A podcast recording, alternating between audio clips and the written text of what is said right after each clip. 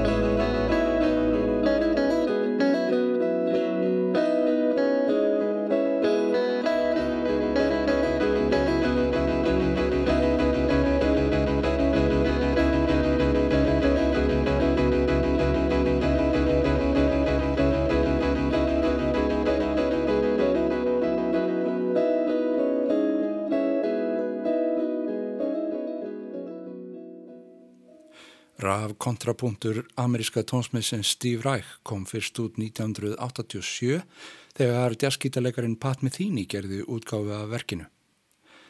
Ræk samti þessa músik fyrir 12 rattir sem flytjandin getur tekið upp og leikið svo 13 röttina með á tónleikum eða notað uppbrunna gjörning Pat Metheny til að spila með. Sjón Sýpe er af þeirri kynsloð sem er með hljóðritunar þáttin í blóðinu ef ekki tilbúin í símanum sínum. Svo að það vefst ekki fyrir honum að útbúa eigin meðlegs hlutaverksins. Electric Counterpoint er meðal þess sem hann gaf út 2018 á blötu sinni Soft Loud Music. Fleiri kontrapunktar ræks eru meðal annars New York Counterpoint samskonar pæling en fyrir klarinettur. Gítarmúsik, hvort sem eru konsertar eða einlegsvítur, er mest bundin við eldri músik og svo glæ nýja. Og gítarleikarar leita því dyrum út yngjum að tónlist sem slæra á skortin á efni frá til að mynda romantíska skeiðinu. Frægasta gítarverk allra tíma, konsertin eftir Joaquín Rodrigo, náði svona í skottið á romantíska tímanum má segja og er eflaust frægasta gítarverkið sem heyrist á klassiskum tónleikum enn þann dag í dag. En fallega hljómar tónskísljóðiðan stepu sís þegar það er leikið á cello og gítar.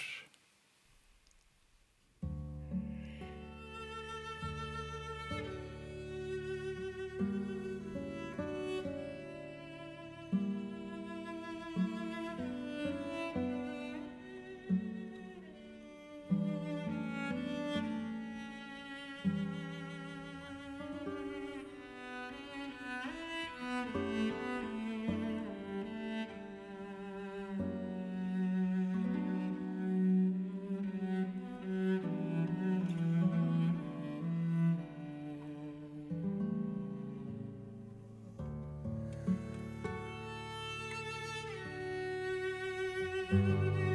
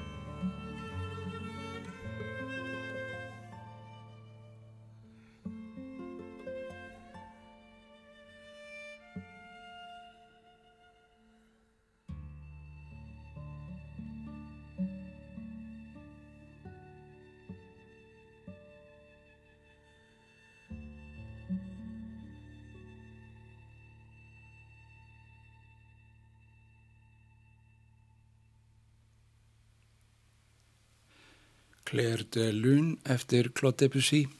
Þíski sæluleikarinn Isang Enders leik með skoska gítarleikarunum Sean Sheepe. Við erum að kynast aðeins þessum snjalla gítarleikara og þeirri fjölbreyttu mynd sem hefur byrst undanfari misseri af list hans. Þessi útgáfa á Debussy er við það að koma út á plötu en við heyrðum áðan dæmi um rafgítarfærni Sheepe þegar hann spilaði tónlist eftir Steve Reich fyrir plötuna Soft Loud Music. Kontrapunktur Ræks var í mikri kantinum en næsta verk er hugsað fyrir magnara sem fyrir að minnstakosti upp í tíu ef ekki ellifu. Reyndar er Killer eftir David Lang samið fyrir rafmagnaða fiðlu en rafgítarin blandast ekki síður rafljóðunum sem bóðir upp á í samspilinu.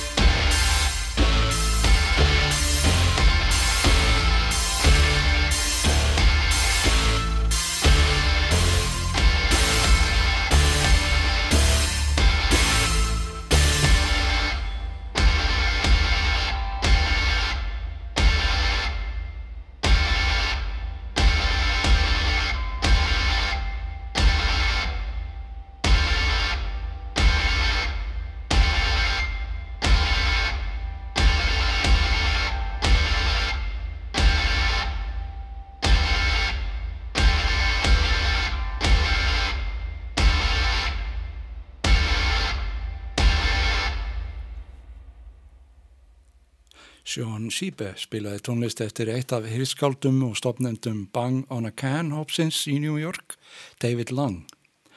Þetta heitir Killer og er frá 2009, uppalega samið fyrir ramagnað fylgu en hér flutta á gítar af Sjón Sýbe sem byrjaði að spila á gítar í frístundaheimilum eftir skóla heima í Edinborg þegar hann var barn. Hann hafði lengi mjög hverstaslega afstöðu til þess af hverju hann spilaði á gítar Af hverju ekki var svarið sem dögði honum í á annan áratug, alveg þanga til hann fóru að taka eftir heilmikill aðtegli sem gítarspil hans vakti. Sjón Sýpe hefur sagt frá því sjálfur að hann líti á það sem hefni að alast upp sem hljóðfærleikari í Edinborg. Þar hafa hann fengið aðtegli og tækifæri sem hefðu kannski látið á sér standa í stærri borg þar sem fleiri vorum hituna. Það verður gaman að fylgjast með því hvert hann fer með sitt gítarspil, kannski á hann eftir að skoða menningararf móður fjölskyldunar japansku eins og hann hefur skoðað þjóðlegan tónlistararfin enska.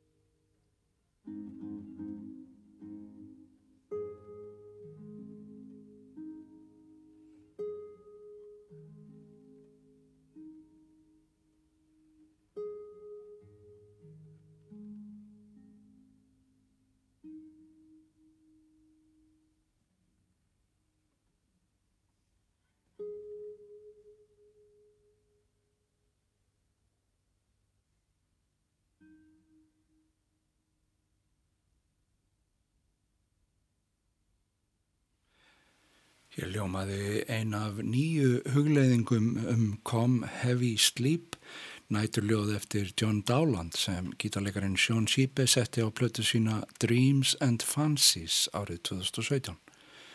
Þar er hann á þjóðlegum ennskum nótum en hlustendum er bent á að skoða betur nýja plötu hans með tónlist eftir Jón Sebastian Bach og svo blönduna skemmtilegu frá 2018 með háværi og lágværi tónlist í bland. En við snúum okkur að öðrum síni Breitlands eiga og heyrum hann fyrst spila á píano. Tónlistin er reyndar teknisk.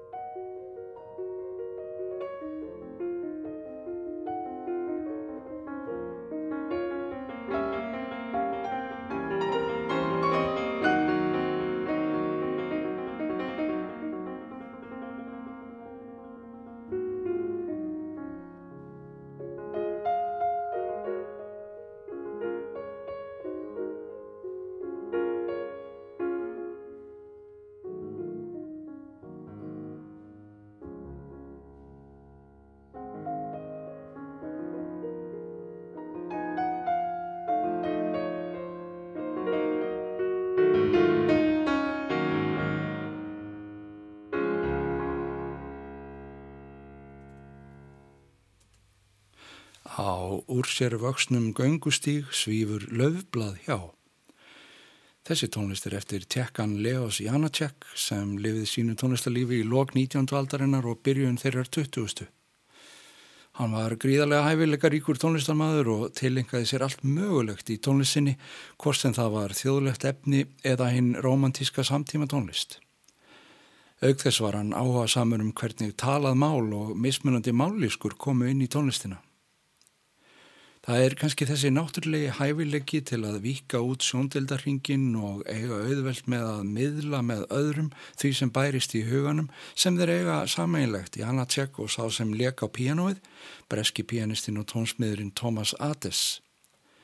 Hann er einmitt þekktur fyrir að vika út tónmál samtímans en takast á einhvern undraverðan máta að standa föstum fótum í hefðinni líka.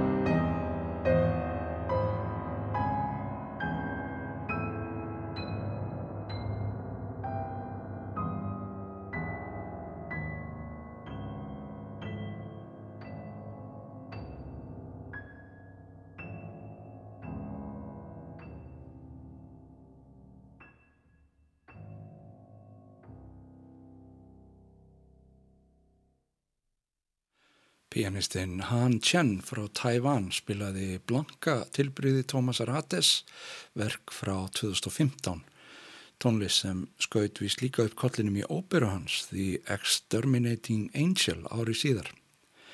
Þessi músik kallast á við pælingar Janacek um rinjandi og áferð tungumálsins en Ates notar í þessari músik bæði þjóðlag og talanda spænskra þjóðabrota við miðjararhaf. Hann er gríðarlega afkastamikil tónsmiður Thomas Ates og nýjasti smellurinn hans er pianokoncert sem var til 2018 og var unninn fyrir pianistan Kirill Gerstin sem segja má að sé hinn alþjóðlegi tónlistarmadur 2001. aldarinnar lifandi komin amerískur fættur í Sovjetríkunum en búsettur í Berlín. Thomas Ates er gríðar góður pianisti sjálfur en einhver þarf að stjórna hljómsutinni og þar er hann engin aukvisi heldur. Hljónsveitin ágætt líka, Symfónían í Boston, þar sem Ades starfar sem einhvers konar listrætt samstarfsmaður þessarar annáluðu hljónsveitar. Við skulum heyra annan þátt konsertins.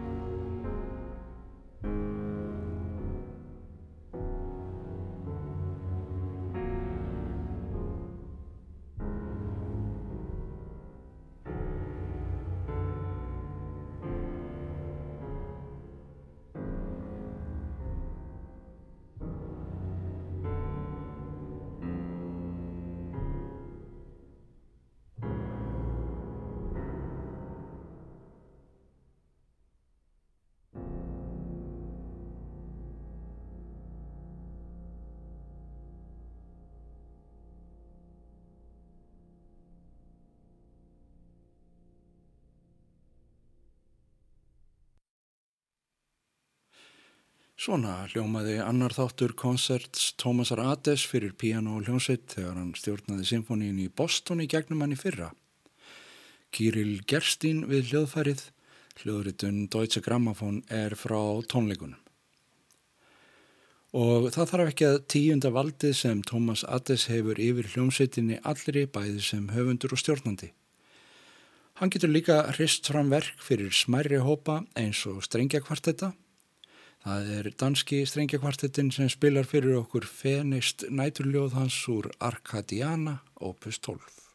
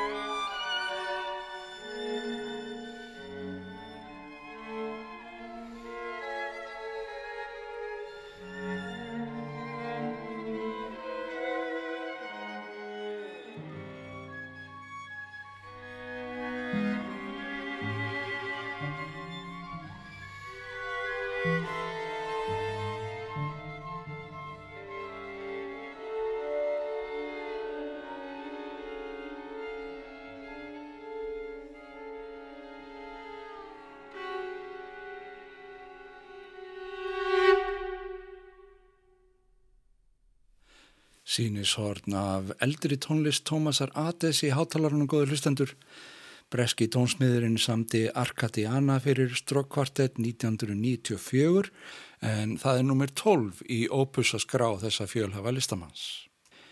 Eins og framhefur komið er hann ekki síst að störfum sem hljónsvittarstjóri og höfundur þessa dagana þó að annað veifið gerir hann píanoplötu eins og þá sem við heyrðum af fyrir þættinum með tónlist eftir Leos Janacek. Hann er líka á kafi í því að skoða hvernig tónsmiðir fyrri tíma hafa skilið eftir fyrirmæli um flutning verka sinna og er óþreytandi að leita uppi og reyna að skilja hvernig á að tólka til dæmis hraðamerkingar sem eru jafnvel á okkar tímum ill framkomanlegar. Hvað var það eiginlega sem vakti fyrir til dæmis Beethoven þegar hann vildi fá tónlist sína flutta hraðar en líkur voru á að myndi takast með góðu móti? Ades spekulurur í því hvaða hlutverki stemningin sem skapast við þær aðstæður gegni og hvenar og hvort eigi að slá í klárin og spyrjaða leikslokum frekar en að velja hraða sem skilar fleiri réttum nótum. Það sínist auðvitað sitt hverjum um þessar pælingar allar en við skulum ljúka þessa sinni með því að heyra Thomas Ades taka Britten symfóníuna til kostana í skertsói Beethovens úr Eroika symfóníu hans opus 55 þeir eru þriðju af hans nýju. Ades hefur einmitt verið með þessari ljónsitt að kanna hinn ytri mörg flutningsklassiskrar tónlistar þannig ljúku við þessa sinni. Takk fyrir að hlusta.